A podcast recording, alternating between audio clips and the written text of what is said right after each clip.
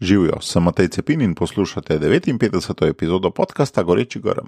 Mnogo je čudovitih delov Slovenije, v katere večina slovencev ne zaide prav pogosto. Ste že bili kdaj v Sovčavi? No, če ste bili, to je center, okoli nje pa ležijo tri doline. Najbolj znana je Logarska, starejši se je verjetno spomnite iz znamenitega spota Slovenija moja država, ki je bil tam posnet v 80-ih letih prejšnjega stoletja.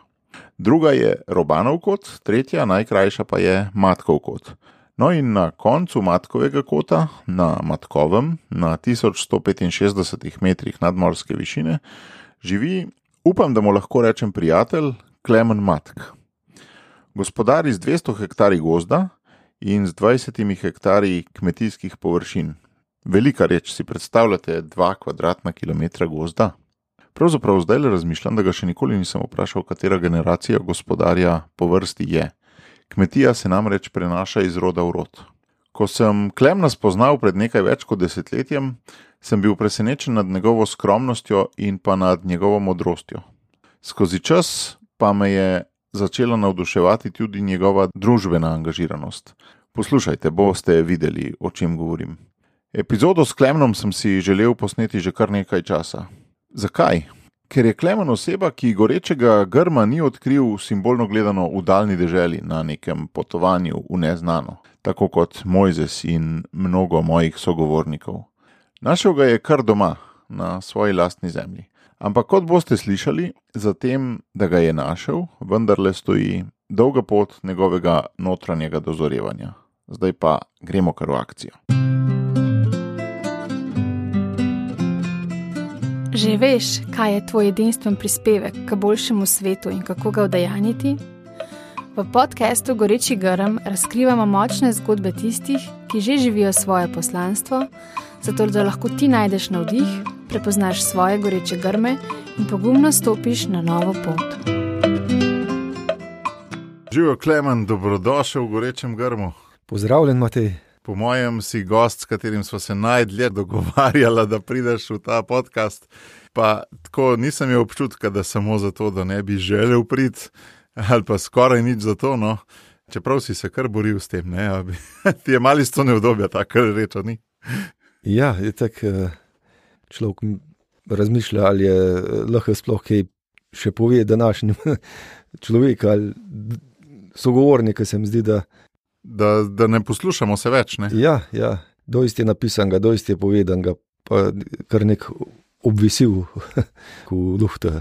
To je res, ja. Ampak skozi takele pogovore, veš, kaj ne piše samo ena oseba, ampak ko se dva pogovarjava, uh, pa sam doživljam še eno drugo stvar. Ne? Ker sta dva ali tri zbrani v mojem imenu, sem jaz sredi med njimi. Ne? In je tudi mal, mal na tak način Boga vmes, med tem, ko se pogovarjava. Ja, uh takoj, ko si v eni povezavi z, z drugim, ja. pride na dan čist mogoče stvari, ki jih niti na, ne bi sam pri sebi prej uh, vedel, da so. Je pa tudi en drug razlog, ki je bil pa še bolj glavni. Ne? Ti ne prihajaš prav pogosto v Ljubljano, Sovčavskega v tem ledeževnem novembru, koliko je to vožnje, malo manj kot dve uri. Ne? Ja, ja uro 45, pa še tako ponovadi zmeri, kaj uh, več uprav, ko si naštimamo, kadar gremo v dolino. Tudi zato mogoče smo zmeri iskali. En, en, en, Redke so bile priložnosti, ja, ja. Ko bi se sploh lahko srečala. Prej smo se videli, ko, ko sem jaz skupino očetov moških prišel na Matkovo, ja. uh, kjer smo v septembru preživeli čudovit vikend, uh, koliko nas je bilo, 7 ali 8, 8 mislim, da fotrov in pa mislim, da 21 ali nekaj več, celo mislim, da 24 otrok, pretep tam v kotu smo taborili. In je bila ena čudovita izkušnja za očete in otroke. Ja, še večkrat na ne se beseda, se ženi pogovarjamo, kakšna izjemna uh, številka pravzaprav koliko otrok ste imeli, kako kak ste se fajn. Tam male smo doma puščali. Ja, kako ste fajn se uh, spomnili, da greste uh, učetje z otroci. Ja, sej na kmetiji je najbrž ta naveza oče pa otroci, oziroma oče sin zelo, zelo pomembna, bolj kot v mestu mogoče. Ne? Zdaj imam take uh, mlajše otroke, 10-9 uh, let in uh, se mi zdi, da, da je izjemna močna vez med nami. Mogoče se mi zdi v, v današnjih časih, da, da, da z, z mojega vidika še močnejši, ker je bilo z, z, očet, mojim očetom, pa z, z menoj ali pa z nami. Mislim, kolikor jaz tebe poznam, si ti tudi tak srčen, odprt človek. Zdaj ne bi ti rad preveč hvalil, ker ti bo to sam še slabš del, ampak najbrž si tudi nadpovprečno čustveno razgledan, ne? da pa se znaš z otroki tudi pogovoriti, pa začutiti, ga znaš. Ne, ne vidiš sam dela ali pa samo obveznosti, ampak vsem mu vidiš malo tudi v srce, se mi zdi. Ne? Ja, čeprav moram tudi za svojega očeta reči, da je to dobro delo, kadar sem bil v stiski. Aha. Je ponovadi on reševal tiste moje skrbi, še tudi otroške ali pa mladostniške. Ja. Ti je bil kot neka opora, mentor ali kaj? Ja, mama, mama je bila stalna, samo kadar mi je pa res zagustila, ne, je pa, je pa le, le oče dal tiste besede, da, se, da sem se pobral.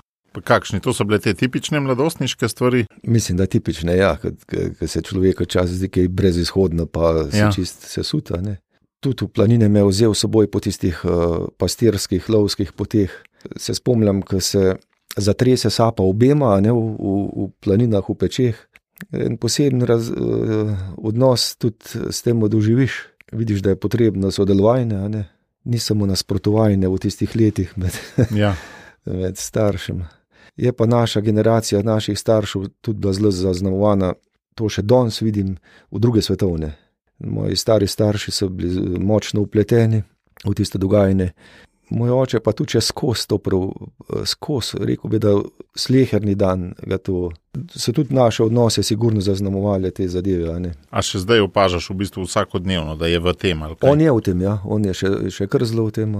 Govori o tem, razmišlja o o potezah enih in drugih, o pravilnosti odločitev, ali so bile pravilne ali nepravilne. En od razlogov je seveda ta, da se res ne pride dovolj pogosto v Ljubljano, ampak če bi pa pred dvema letoma postal poslanec, kar je že nekaj kazalo. Ne, zelo, zelo, mislim, da si bil glih naslednji ne, pri stranki Nova Slovenija. Ko si bil, potem so pa naknadno preračunali in so pač mandat dodelili drugemu. Ne, in bi pa hodil vsak teden nekajkrat ne, v Ljubljano najbrž. In si, če te prav poznam, si se kar oddahnil, da ti ne bo treba. Ne.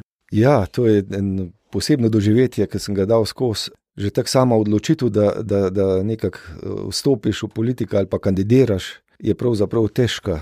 Že samo to, da, da se daš ob cesti. Na plakatu, Na da, plakat, se vidiš, da se vidiš. Eh, in pa, pa vse, vse, vsa ta kampanja je nekako specifična zadeva. Jaz sem se zato odločil, predvsem z tega stališča, da odgovorno skušamo zastopati svoje interese.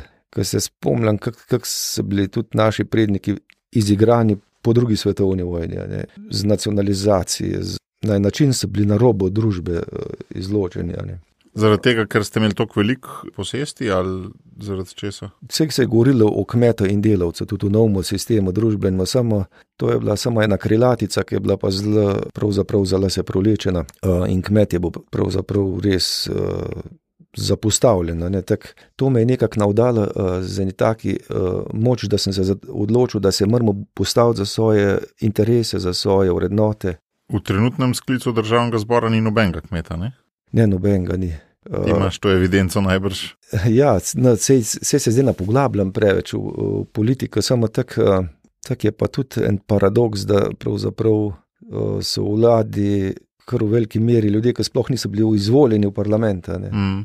Meni se zdi, da je, da je resnično naša država, da jih sploh imamo, vsa demokracija, taka vrednota in ta svoboda, taka vrednota, da da se ne bi smeli igrati z njej.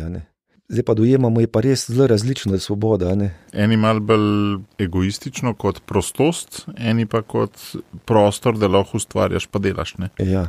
In to je pravzaprav za kmečki poklic tista najbolj vabljiva srčika, ki nas drži ali pa nas vodi k temu, da se odločamo za delo na, na zemlji, z rodovnimi posestvi, če te gledaš. Ja, je to ena tista svoboda, ki bi naj bila z, z, z ustavi zagotovljena. Si pa ti praktično vse čas, in to me z vidika podcasta Goreči Grm najbolj zanima, vse čas si v bistvu na istem posestvu, razen kar si v šole hodil. Ne?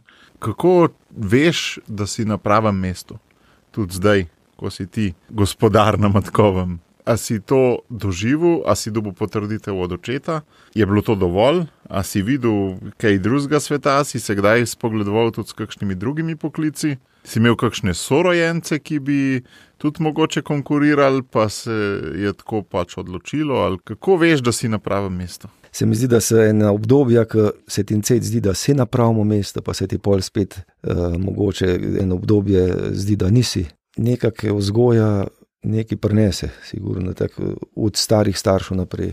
So te vzgajali veliko Jaz sem imel zelo, zelo dobre uh, povezave z starimi starši, posebno stari mami, Slavki. Ona me je mogoče nekako na en tak nezaveden način pripravljala, nekoliko tudi na to, tudi oče, ampak ne bi rekel, da je bila kakšna razlika med nama z bratom, ki je tudi uh, bil mal mlajši. V babi, po mojem, si zelo želela, posebno v enem obdobju, se nismo niti mogla pogovarjati o tem, kdo bi prevzel.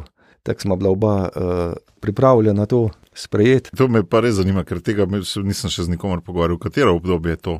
Ja, bi rekel, kar tam od 14 do 22 ali pa tako nekaj. Je to dolgo obdobje ja, to? Ja. Ali... Ko se dejansko o tem nista odprto pogovarjala. Smo ali pa z malo za eni taki napetosti. Čeprav se je pa očist po naravni brat pač zaljubil, pa šel na sosednja, mislim ne na sosednja, ampak pač na drugo kmetijo. Ampak to... tudi nekaj večjega, ne? je tudi eh, na Solčavskem se tako vse kmetije malo večje po površini, zato ker so tudi tako na visokih nadmorskih višinah, pa v mhm. strminah. To jim daje en poseben čar, primerljiv z ravnini, pa, pa ni. Tudi če je velikost malo večja, je pa rodovitnost toliko eh, manjša, da ni primerjave z enimi ravninskimi. Koliko bi mogla biti ravninska velika, da bi, približen, da bi se isto dobro živeli, da bi isto ljudi preživela? To težko rečem, ker je tako zelo različno od, od družine do družine od kondicije, v kateri je družina. Zmeri se nihanje, tudi v vsaki posamezni družini in cet si bolj sposoben za eno delo, pa pride obdobje, ko pride bolezen ali starost, ali in se kakšno obdobje, ko se pre, preživi, ne, nič več kot to. In je treba pravzaprav tako na, na dolgi rok gledati, da, da v eni družini ali pa pride vse sorte, a ne.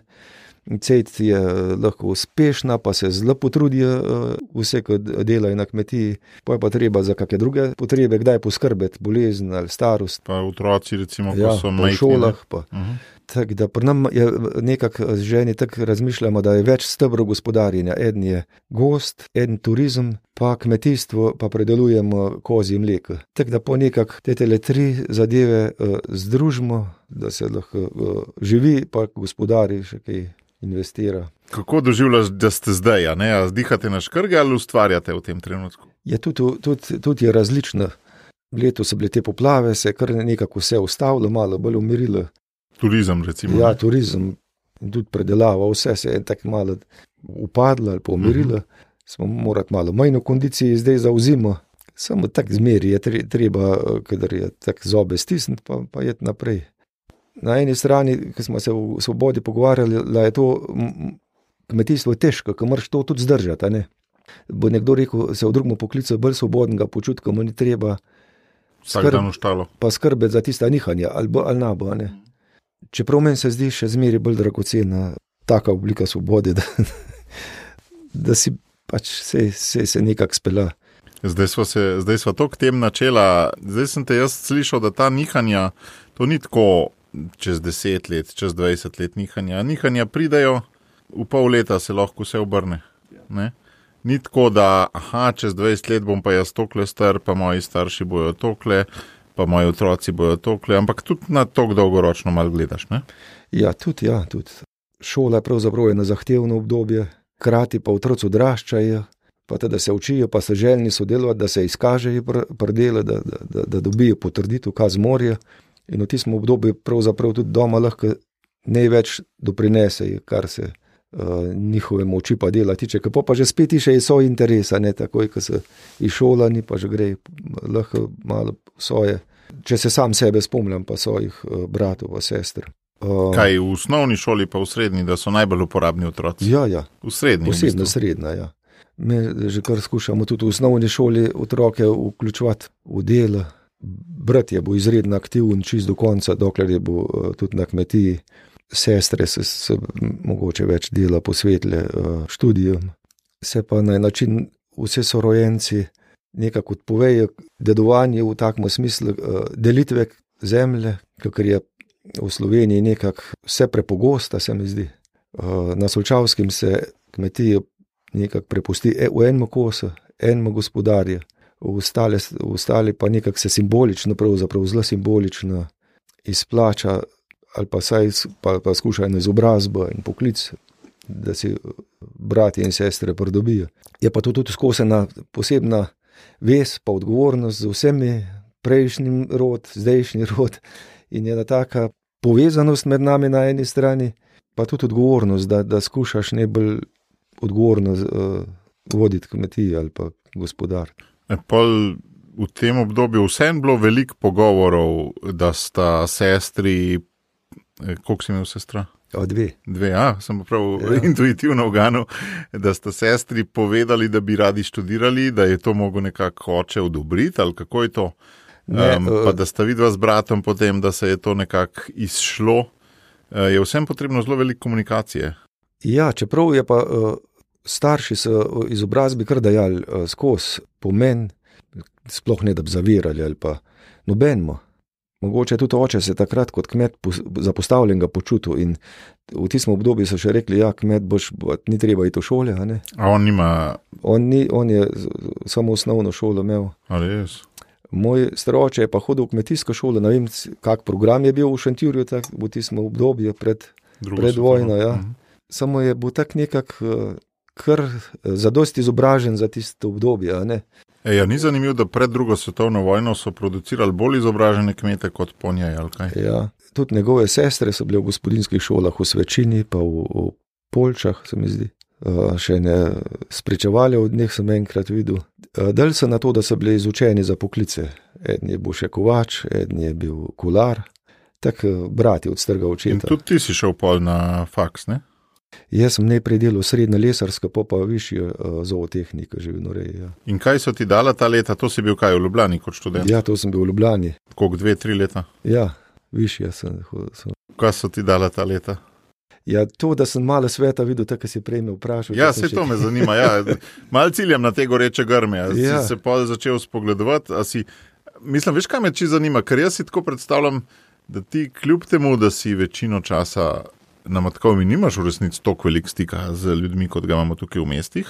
Da si najbrž ta študentska leta bolj ali manj že tudi stvari vedel, da ti ni bilo, tako si jaz predstavljam, da ti ni bilo neki tok zelo velik novega. Tako študentsko življenje. Pa...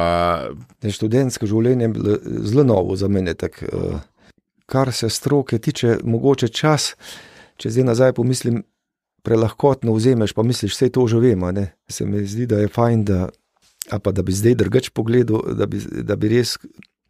Da bi bolj profesor sprašval. Bolj bi jih mhm. sprašval, mm -hmm. pa bolj bi izkušal znanje. Imam pa lepe spominje na, na vse učitelje, kar sem jih doživljal mm -hmm. v mhm. srednji šoli in na fakulteti. Profesorja Šaleharja, Korošca, Orešnika, Štuheca. Se mi zdi, da so bili prav še taki stare sorte profesori. In kaj so ti dali, recimo, kaj je tisto največ, kar si od njih dobil? Če bi te gledal, še največ en odnos do, do vsebin, ki so jih uh, zastopali. Pa je na mreži poznanstva z, z njimi, z vsemi, ki so pač smo se srečevali. Mogoče bi bilo fajn, da bi se še bolj na ven obračali. Tisti naši predavatelji so študirali še v Nemčiji, teda, ali po vojni. In se mi zdi, da so bili tako za naše razmere zelo podkovani. Zdaj sem pa, se mi zdi, da bi mogli spet hoditi ven, se spet uh, učiti, pa da ne nagruntamo, da smo najboljši na svetu, pa da smo kar doma. Ja, drugače sem pa. Z petjem se, smo se družili po večerjih, občasno, kako pevskemu zboru. V Ljubljani to govorimo. Tako da, če ne bi bil kmet, bi bil mogoče dirigent ali pa oficir če, -hmm. če bi šel po drugi poti. Oficir, zakaj pa to? Ne vem, to me je zmeri nekako nekak privlačilo, čeprav v zadnjem obdobju vojske ne gledam več na tak uh, način. Uh, mi je zelo tuja. Uh, Ker sem bil v muzeju v Pivki pred parimi leti, mi, mi je bilo čist mimo. ja, te, te, prav, pa sem navajen orožja, družinska skosa, ne, zaradi lovstva. Drugačno je odnos do to vrstnega orožja ali pa do orožja za, za, za boj med ljudmi. Ne. Kaj pa te je tako uh, odbilo v pivki?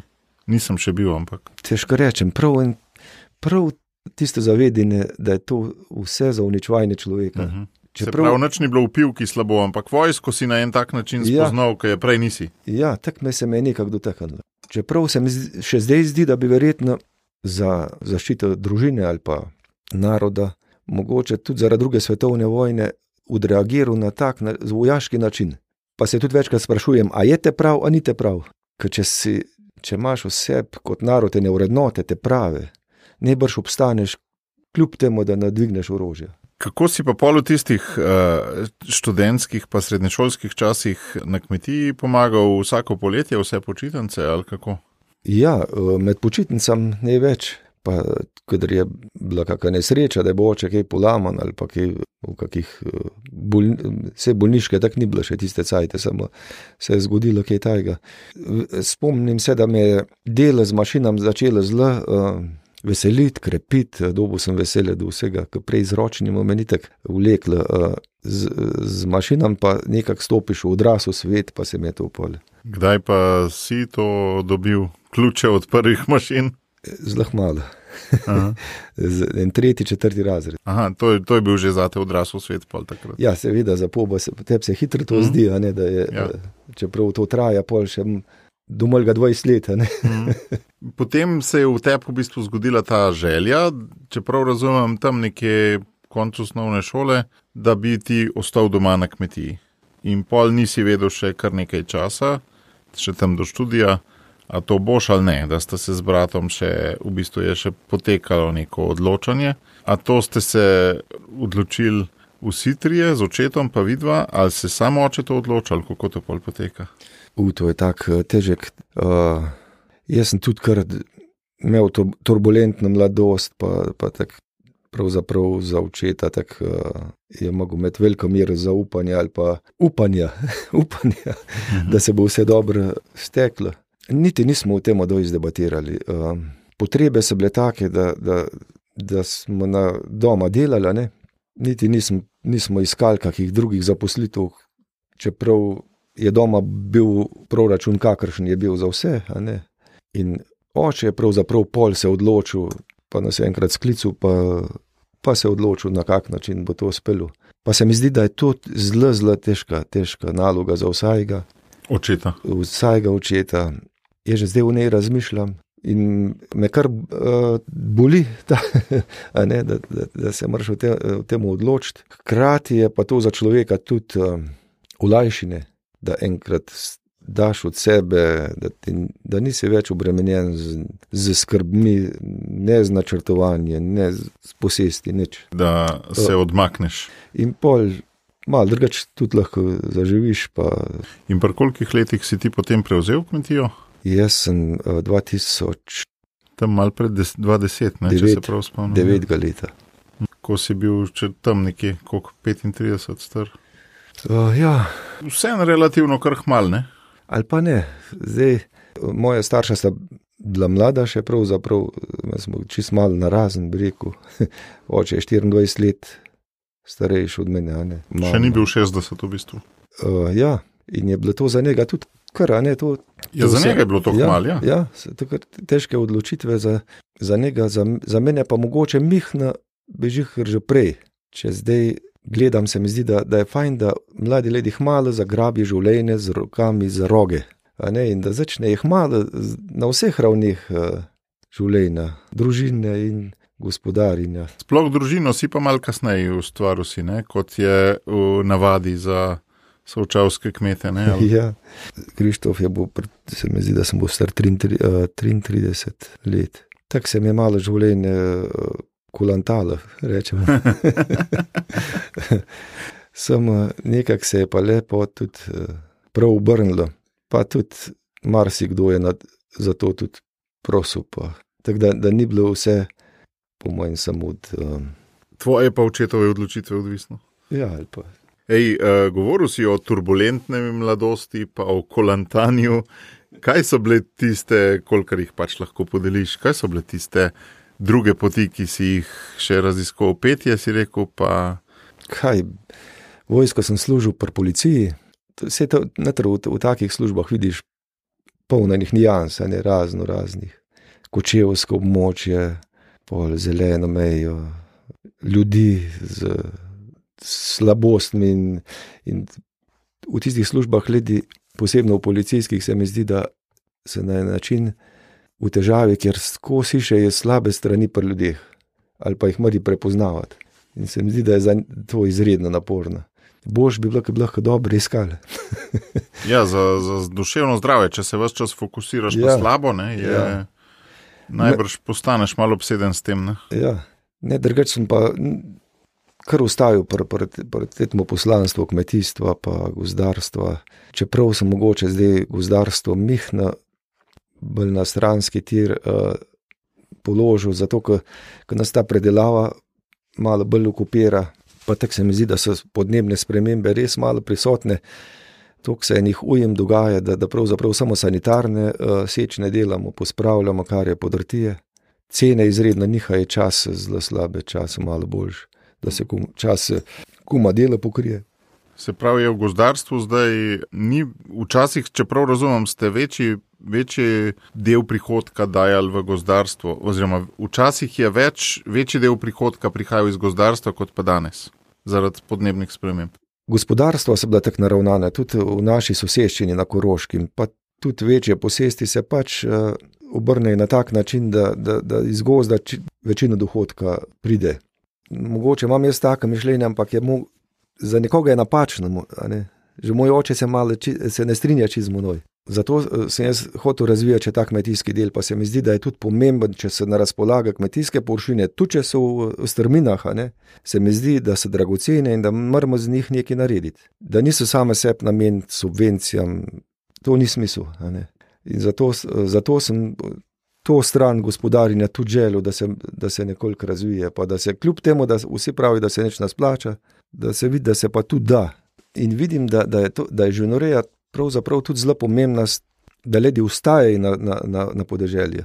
Ker če bi se začel ukvarjati samo z gozdarstvom, te lahko zanese, pa, pa, pa rečeš, bom pa jaz kar v, v prženi, v dolini živel pa bomo dol imeli družino, ki je lažje za šoline, pa za vse, pa bomo samo še hodili na, čez vikende, malo kaj postoriti v, v, v planine. In na tak način se pol zgub, zgublja poseljenost. Če pa imaš živino gor, so pa ljudje vezani na živino, na stalno prisotnost. Tako da ima svojo, svojo logiko tudi to.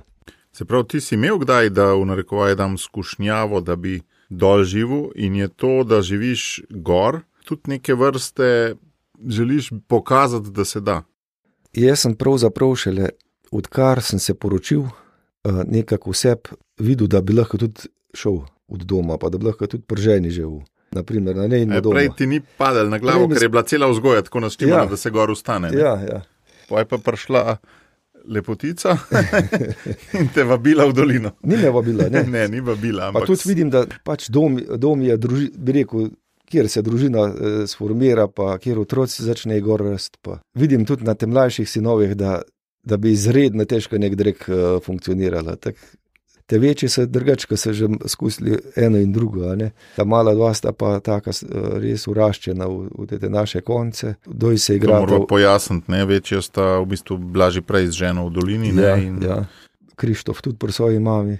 Pravzaprav je taka uh, kmetija zelo težka za, za današnjo ženska. Hočeš reči, da ima ženska še več težav biti na, gor, se se reče, gorska kmetija? Ja, na gorski kmetiji mislim, kot da, moški. Jaz mislim, da, da, da več, ker spremenja se način življenja, urednot, želja. In se mi zdi, da so ženske še bolj željne sprememb, kot moški. Zato je tudi tako težko, uh, kakšni ženski ustati na kmetiji, pa pravzaprav je kar dojst problemov s tem, da, da kmeti nimajo življenjskih sopotnikov. Mm -hmm zdaj vidim, da je, da je zelo pomembna ena podobna drža družin. Zato je najbrž ta model, ki ga rečemo, ima naša krščanska vzgoja, ki je podobna v družinah, ali pa narod, ki govorimo isti jezik. Da nekako leži, poshajamo z, drug, z drugim v družini, a ne mož, žena. In to smo si ženi, smo imeli srečo, po mojem, da smo tako malo podobnih družin. Nazorov. Ja, nazorov spomnim se tudi svoje, eh, svojih starih staršev, to so bili tudi kmečki ljudje, ne z kmečkega okolja, s podobnimi navadami, izredni močni veri. In jaz pri njih 40 let nazaj ali pa plus. Nisem zasledil nikoli nobenega zapostavljena strani uh, moških ali pa da bi ženska bila manj. So bile ženske zelo močne, pa gospodar, gospodarne. Mislim, da je to za Solčavsko nasplošno bilo tako tak drža, ki se je sigurno ukrepila v, v cerkvi, pa z mohorja v literaturi, ker druge tako skoraj ni bilo prej. Ni bilo nobenega govora o emancipaciji, pa je bila zelo naravna, naravno spoštovanje. Ne. Naravna emancipacija. Ja. Pa tudi tako se mi zdi, da so bile že, če, če se starš, starejših spomnim, starih staršev, pa tudi sosedov, da so bile zelo tako um, močne, prekalila jih je vojska, hude, hude, huda doživetja. Pravzaprav so se z taborišč, pa z front, pa z vojne vrnili v pepel. Česar niso imeli niti urodja, česar niso mogli v roke vzeti. Uh, vse si je mogel človek ali sposoditi, ali kjer je še kaj ostalo, ker je bila cela vas, solčava, pa okoliške kmetije, od, od nas do Mocesnika, pa Logarska dolina, vse požganje. Tam pa tam je pa še kira ustala, da je se jih nadalo pomagati. No, pa žaga je tudi ustala, pri nam pa mlin. No, in to so bile hude preizkušnje za nje pravzaprav, jaz sem od stare mame zelo tako eh, lepo, bi rekel, navodilo sprejel, da se lahko gospodarstvo še tako dobro gre, če ne ohraniš vere, nas drži. Eh, in, in se mi zdi, da je za, da, za naš narod zdaj to tudi zelo, zelo bistveno, da, da saj v eni meri, v večinski meri to nekako se zdrži. Tudi odnos do, do zemlje, do, do družine, vse je s tem povezano. Zemljo moramo imeti v svojih rokah, kakor uh, naše substance. Mogoče danes so moji geni, uh, nam tako jim jutro bo še to, kaj veš, ali pa boh je od koga. Ne? In zato moramo na to biti uh, pozorni in ne razmetavati s tem. Ko si rekel, vera kot ključen element uh, obstanka, bi te glih tukaj vprašal, kakšna je tvoja vera, v bistvu kaj, je, kaj so tisti glavni poudarki tvoje vere, ker vsak si na koncu eno svojo osebno vero oblikuje na podeželju pogosto grata mogoče vera tradicionalna. Ja, vse glih zato, ker prvem ja. pa, da je pri tebi drugačne. Vse tudi niha, tako pa gospodarstvo niha, pa tudi to. Se, se nihanja, ne enkrat si bolj poglobiš, drugič bolj površno greš skozi. Mm. Vse sporočila v življenju, naprimer 96 let smo imeli požar in v celi hiši je, sta ostali dve knjigi. Nekaj vzgoja otroka, pa svetopismo vse ostalo je zgorelo. Hm. Ljudje so si so preskočili nam na pomoč, udarniško, z razno raznimi pomočmi, tako da niti ne vem, kdo ga mogoče danes srečam, pa mimo njega grem. Sploh ne vem. In teda vidiš, da, nam, da nisi zmožen vsega sam. Take, tak, take situacije te mogoče pol. Uh, Postavijo v pravi kontekst. Ja, da... Pa da se iščeš. Kako pa v skladu s tem tudi vzgajaš mogoče me tukaj več plastno zanima, kako si ti bil vzgojen, kaj so bili glavni poudarki tvoje vzgoje, pa kaj zdaj nosiš naprej. Kar se verskega življenja tiče, je bila moja glavna učiteljica Slavka, moja stara mama. Uh mhm. -huh. In ona nam je tudi preskrbela te knjige uh, Zgodovina Božjega ljudstva. In smo to v tistem obdobju izredno z veseljem brali. Pa tudi vse te, tiste zadeve, okoli roka, me je ona izredno izredno skrbno preštimvala, ker je skozi malo se želela, da bi za župnika šel. Se pravi, niso bili samo oficir, pa policist, pa dirigent v igri. To, eh, to, samo pa sem to nekako izredno odklonil, tako da nisem se maral s tem, čist neč več ukvarjati. Izredno me to, sem se oprl.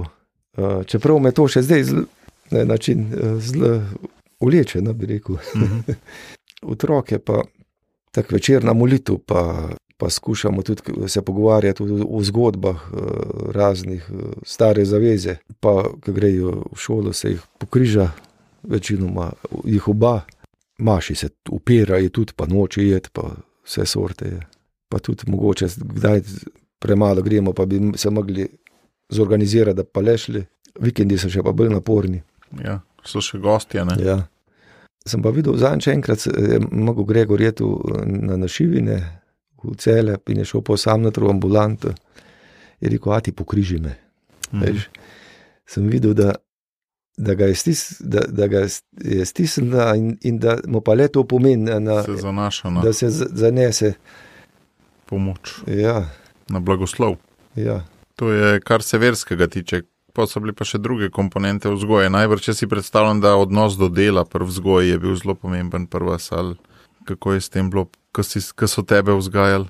Na kmetih je poseben, posebna oblika dojemanja dela. Moj stric, ki bo, še, ki bo tudi na matkovem rojen, je enkrat v eni priliki, ki je bila pri nami na obisku, ena gospa rekla: Zdaj grem pa delat. Je pa rekel, kaj pa greš delat? Je rekla, je rekel, je rekla, je rekla brat, a študirati. Je rekel, to pa ni delo. A ne, Tako je bilo še čas, eh, mišljenje na kmetih, pač fizično delo je delo. In s tem smo bili pravzaprav zelo vključeni v v vse dogajanje, v, v- od nege mladje v gozdovih naprej, do košne polet, do tistih uh, gred, ki smo jih zorali. In uh, tako zelo uprijemljivo delo je, ne to. to. Ta percepcija se je kar spremenila. Ne? Eh, Se mi zdi včasih, ne vem kako je pri tebi, moraš tudi ti zdaj otroke kar mal silt, da se grejo učiti, ali ne? Ja. Uh, ker še v tvoji generaciji, najbrž na kmetih, je bilo pa obratno. Ne? Se pravi, da ne, zdaj le boš delal, zdaj se ne boš čist načučil. Ali ne? Jaz, mi smo imeli tako, kako bi rekel, ene dol, do, določene uh, dele smo mogli narediti tudi v šoli. Po šoli, naprimer, smo užamali kakšne deske, vse to je bile, so bile malenkosti, pa je bila pa naloga. ne. Tako da skozi je bilo malo ene odgovornosti, pa, pa šole. Če nazaj pomislim, se mi zdi, da smo tudi odgovornost do staršev imeli, ko smo šli v srednjo šolo, je bilo pravzaprav so bili internati, a ne, in si mogel tam se postaviti na svoje noge, biti kot tok, da nisi zavozil. In je bila to ena taka odgovornost, da sploh nisi pomislil, da bi luft tukaj ali pa šprico. Ali pa. pa tudi tako, uh, moj oče reče, čas je dobro vedelo, kjer človek je za kaj sposoben, kjer kakšno delo vlada. Tako se je ljudi tudi eh, nekako po potrebi najemalo. In vsak, ki je bil deloven, pa pridni, je tudi lahko kaj rekel. To ti je dalo vst- vstopnico v demokracijo, v bistvu delo, ne? da si lahko sooblikoval pol tudi. Pa ne. me še čas zdaj zanese, da začnem razmišljati, da, da je to prelahkotno podeljena volilna pravica ljudem. Ja. Misliš, za- kaj je prelahkotno to z delom ali uh, s starostjo, kot je zdaj? Da, da bi za ne od, odgovornosti gledali na to in za eno doprinos vsem, ali za svojo družino, ali za družbo, ali za kjerkoli skup, skupino ali pa skupnost. Ker če pa neč, neč kaj da nadaš od sebe, pa je pa po, ne vem, kako kak moramo biti enakopravni čisto v, Uh -huh. na volitvah. To človekovo dostojanstvo je kar zagamana Ja, stvar, ne? Ja, ja. ki ga ima človek, ne glede na vse. Ne? Ja. Pa če je morilc ali pa če je Ja. svetnik, imaš istega. Ne? Ja. Dežuje, pa sonce sije in za pravične, in za Ja, nepravične. ja. Na vaseh se je to ponavadi tako naravno izravnavalo. ne. Ljudje poznamo drug drugega, potrebe in se je to tako naravno fajn rihtalo. Ko je pa večja skupina ljudi, pa se pa to zgublja, pa odgovornost tudi. Se mi zdi, da tudi občine dobro delujejo. Mogoče v zadnjem cajtu malo manj proti občinam rečenega, ne, tak, Ja. ja. da jih je preveč, da so premajhne. Pa, ne. pa edini sistem se mi zdi v državi, ki pa lahko rečemo, da odlično deluje. Se strinjam. Ja. Da v bistvu včasih so kakšni župani, kjer, ki gledajo samo na trde stvari, samo na beton, pa zelo premalo na mehki del človeka, ne, na kulturo, na izobraževanje, na te stvari. To se kar dostakrat opaža. No? Ampak v večini primerov pa se tudi župani skozi bolj zavedajo, da sta in trdi in mehki del njihovega vladanja in da morajo oboje zadovoljiti. Da seveda trdi del vzame več denarja, ampak da tudi mehki mora biti poštiman. Ne? Da, Ja, ja. da ljudje ne bodo sam zaradi betona ostali uh, v njihovi občini. Ne? Ja, eh, najlažje je eh, se izkazati z betonom ali pa s cestom, pa Ja. ja. asfalt. Drugače je pa res uh, več vsebin, ki so potrebne za. Se pa strinjam, da se najbolj celostno potrebe človeka nagovori na ravni občine. Ja. Ker tudi krajevne skupnosti, ki so še manjše, pa ne funkcionirajo, ker nimajo svojega proračuna, pa nimajo nič. Da mi povej, pol o vzgoji, oče te je vzgajal na nek način, ne? ampak svet se vmes spreminja. Recimo, ko smo mi dva odraščala, če greva z plus minus dve leti, da sva enako stara, se je začel internet pojavljati, ko so bila v srednji šoli. potem se je, so se začeli mobilni telefoni, ko so počasi uh, vstopili v delovno dobo, in še mnoge drugi izumi. Avtomobilov je postalo več, kar naenkrat potovanja po Evropi so bila nekaj samoumevnega, kar prej niso bila. Svet se je zelo spremenil, starši so nas pa vzgajali. Kaj si mogel pa ti sam dodati vzgoji tvojih staršev, da si zdaj postal uh, kompetenten gospodar na Matkovem. No, drugače se je zelo spremenila birokracija, je, je enormno več, kot je bilo prej. So pa tudi druge stvari, ki so se uh, poenostavile. Najbolj še žena veliko pomaga, nekaj ima ja, ekonomsko ja. izobrazbo. Ja, pravzaprav tako na to večinoma vodi finance. Mm -hmm. Seveda vemo, da če čase pogovarjamo, jaz vem v zadju tudi kar. Uh, rekel bi zelo natančen, čeprav nisem čist stalno, pa osebno zraven. Elektronsko bančništvo, pa ti reči, je pa zelo po, poenostavljeno nam mhm. življenje. Za subvencije ali za tisto, kar vi prodajate, ali za kakšen način? Za vse eh, poslovanje, denar, ki poteka zdaj zelo izprek računov, pa plačevanje, položnic, pa vse to. Mm. Drugač pa sama vzgoja se mi pa zdi, da se je še zelo malo spremenila.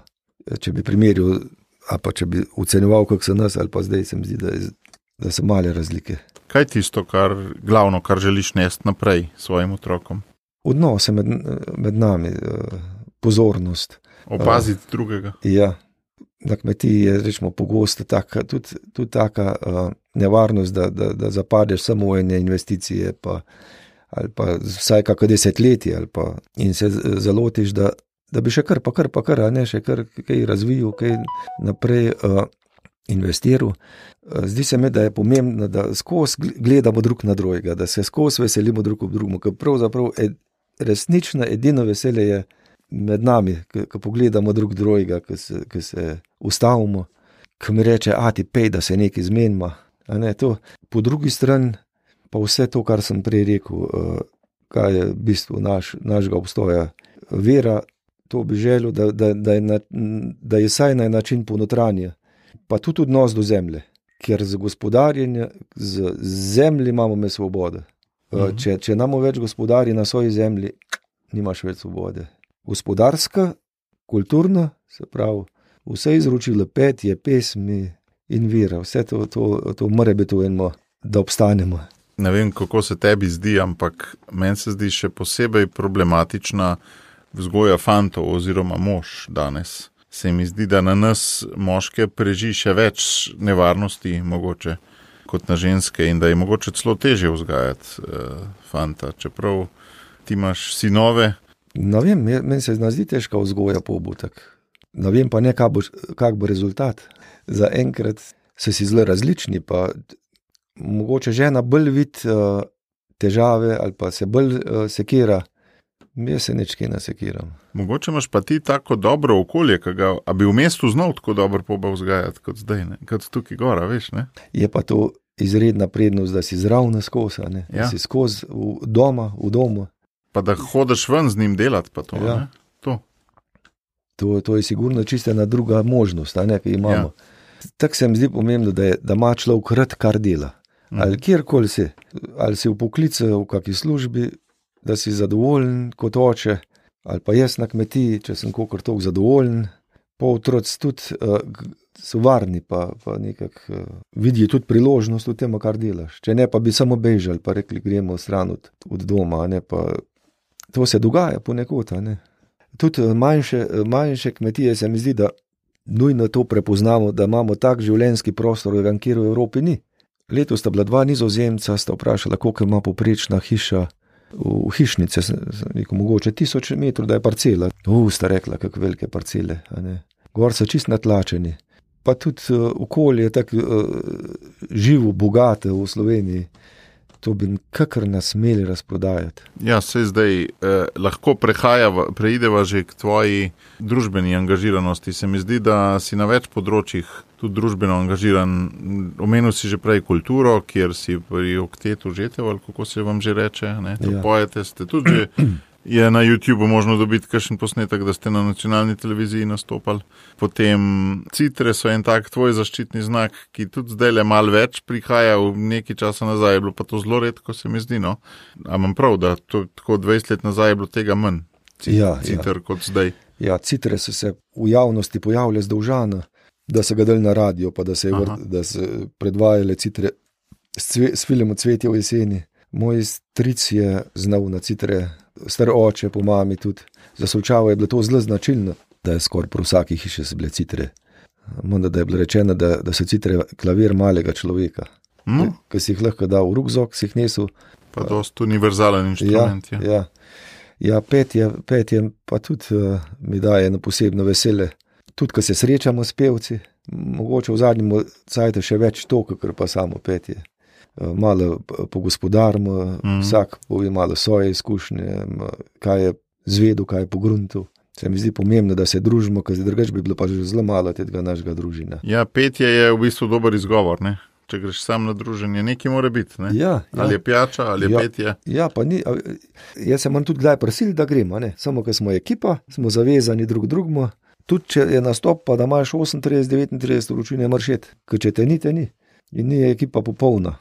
Ja, če se prodajaš kot oktet, moraš Ja. biti. Ne?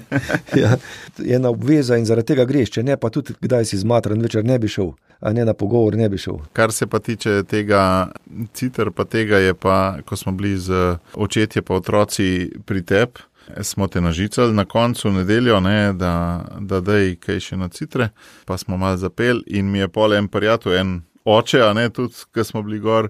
En teden zatem rekel, Matej, daj prosim, ti si tisti snimo, daj prosim, pošelj meni hčerke skozi govorijo, da bi ti strade slišale. To so take majhne punčke, a veš, ne. Koliko jim je bilo pa to lepo in tako, in pa sem poslal in so bili vsi čez blaženi nad posnetkom.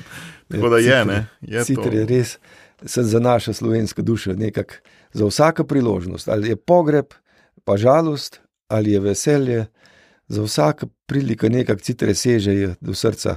Po vojni so bile pa zelo zapostavljene, ker se jih je nekako povezovalo z Nemštvo, pa z ne vem zakaj. Je pa to tak alpski inštrument, ki je v Sloveniji zelo razširjen. Pa je zdaj spet, kar se uči po glasbenih šolah.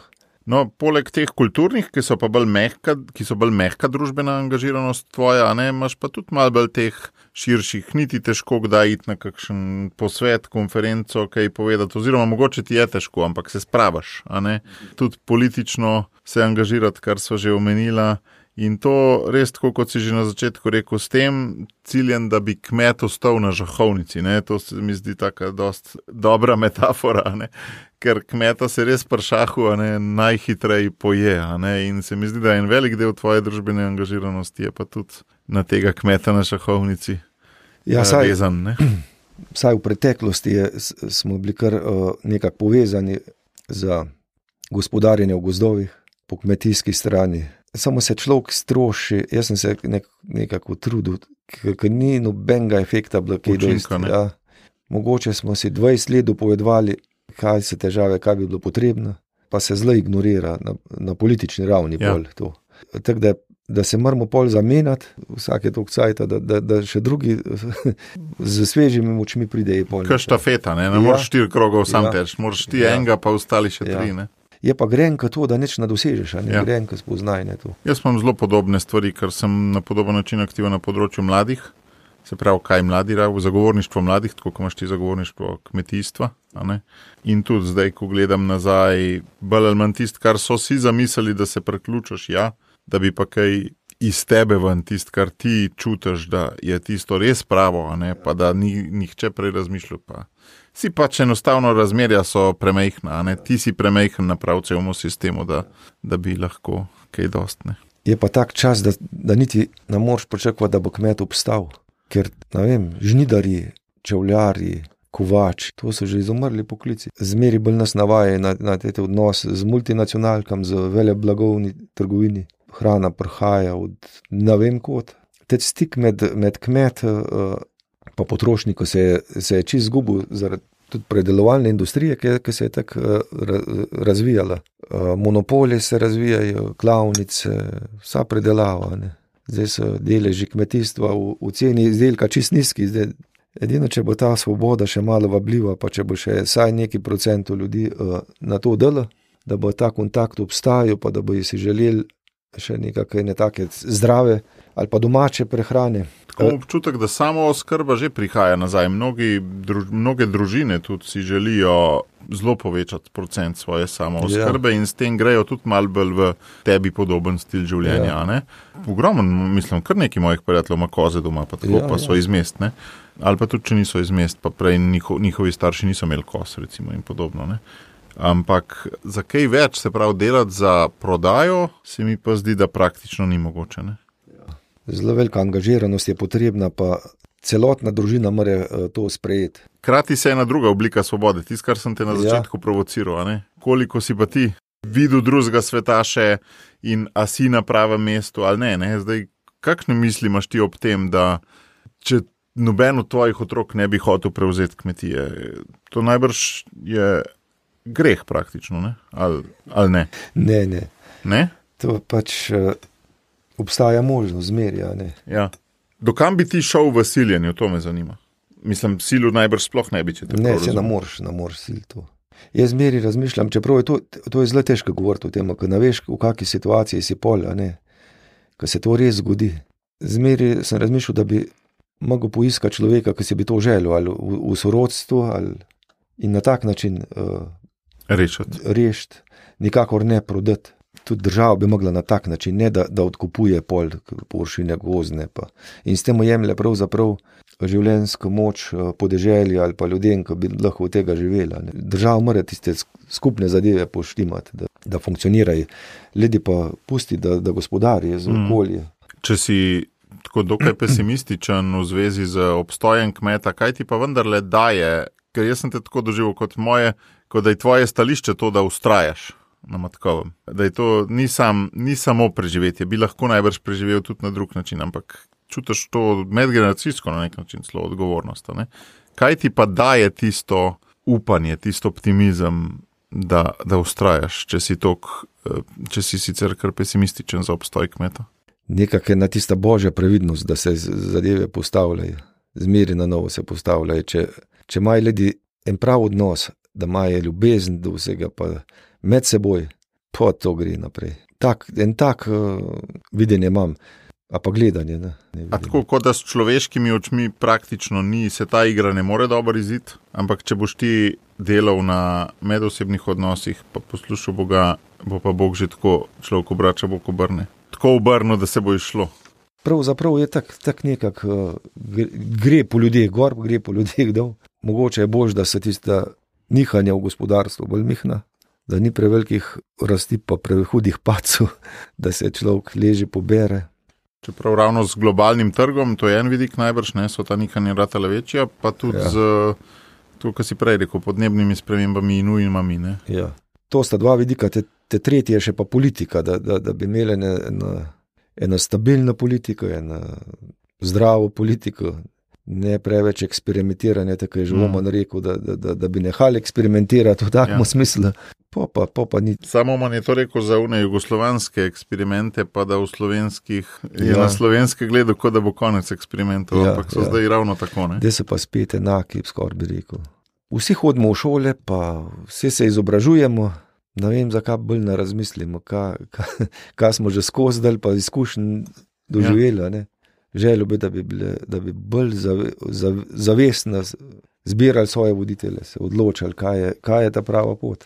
In glih, ko smo pri voditeljih, in ker tole obja bo objavljeno, oziroma zdaj, ko poslušate, že je objavljeno ob začetku socialnega tedna, ki tudi, govori, ki tudi govori o voditeljih z naslovom, kje smo voditelji, oziroma kje so voditelji, bi za zaključek pogledala sam še na tebe kot voditelja na kmetiji.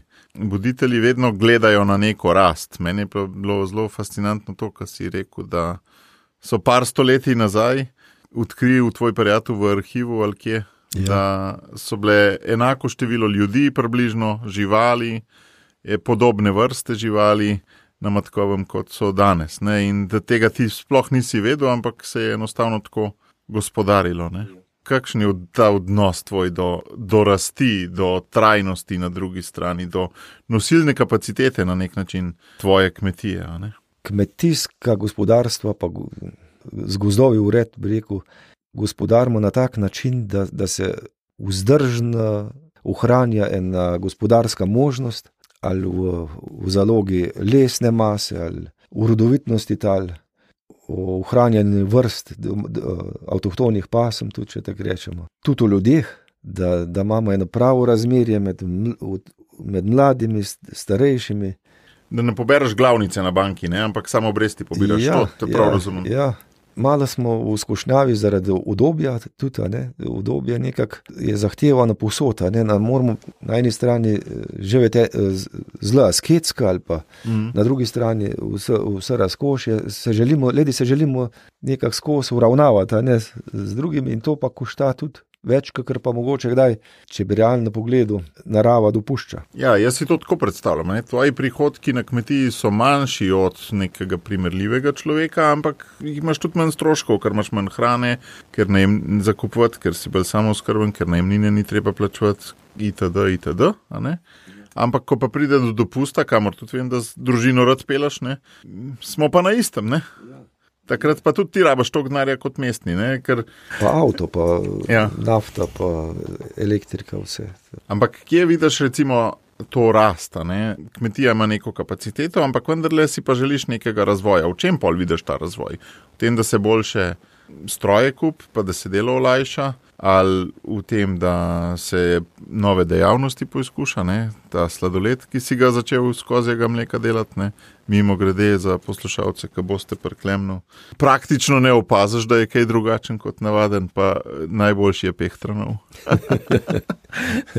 ja, to je ženi, da ljubezen sladoled skozi ga mleka tudi njen izum, ne, na nek način ste tudi neke nagrade dobivali, ne, čeprav niste bili najbrž prvi. Ne, ne, ne ampak... ni izum, je pa pač ena za slovenski trg nova zadeva bila v tistem obdobju.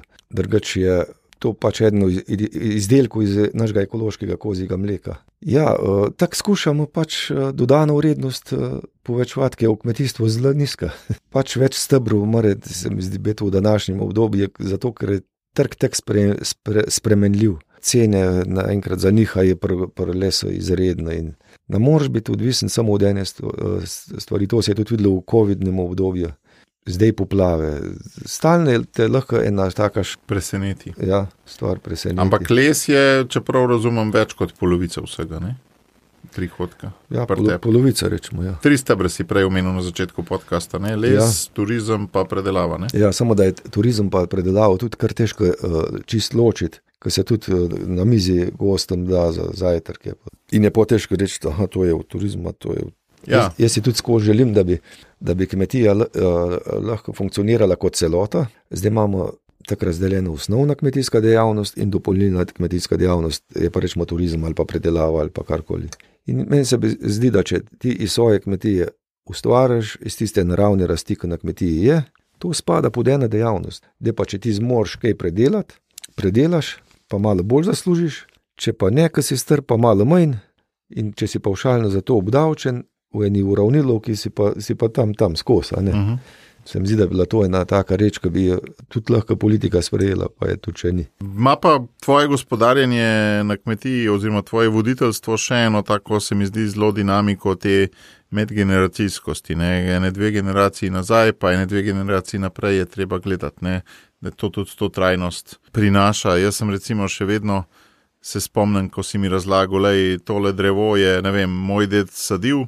Mogoče moj vnuk ga bo pa posekal. In jaz sem tukaj sam eden od, se nisi čist s temi besedami, ampak to sem si jaz pod ja, malo ja, zgodbo ja. napletel. Jaz sem tukaj sam eden od petih umestnih najemnikov, ki more pač nikoli ne bom imel nič od njega, ne? ampak moram pač poskrbeti za to, da bo moje, mojo delovno dobo to drevo dobro preživelo. Ja, prav, prav je tako, kot si rekel. Uh, naprimer, sadna drevja, ki zdaj še rodi, je še moj staroče sadil, pa pevcu, pa njegovi bratje, ki so gor živeli.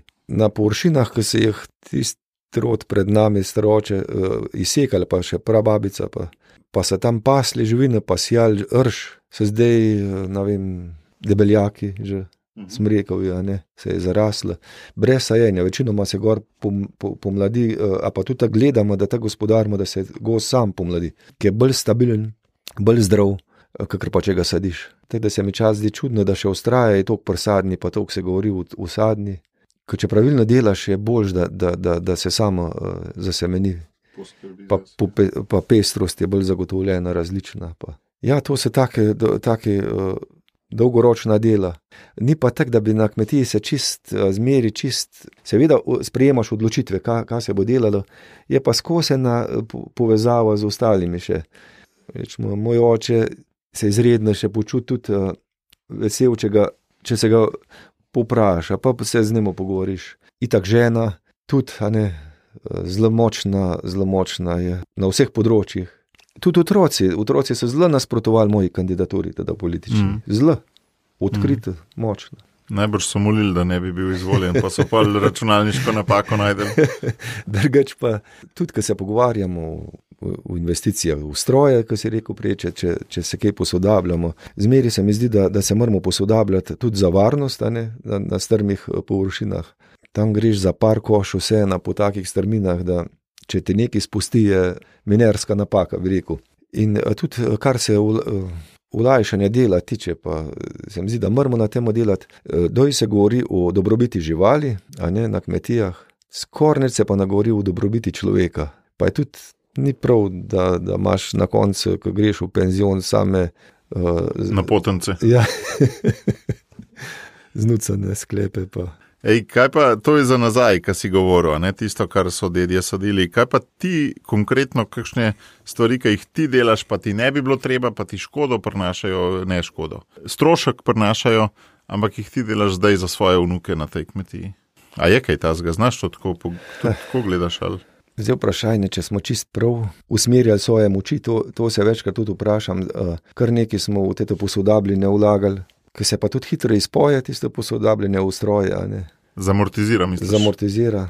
Mogoče bi mogli več delati na, še na drugih vsebinah. Čeprav smo razvijali tudi te trženje, pa razvoj pridelku, pa dodanje vrednosti. Samo vprašanje je, bojo otroci želeli peljati naprej. To je zmeri vprašanje.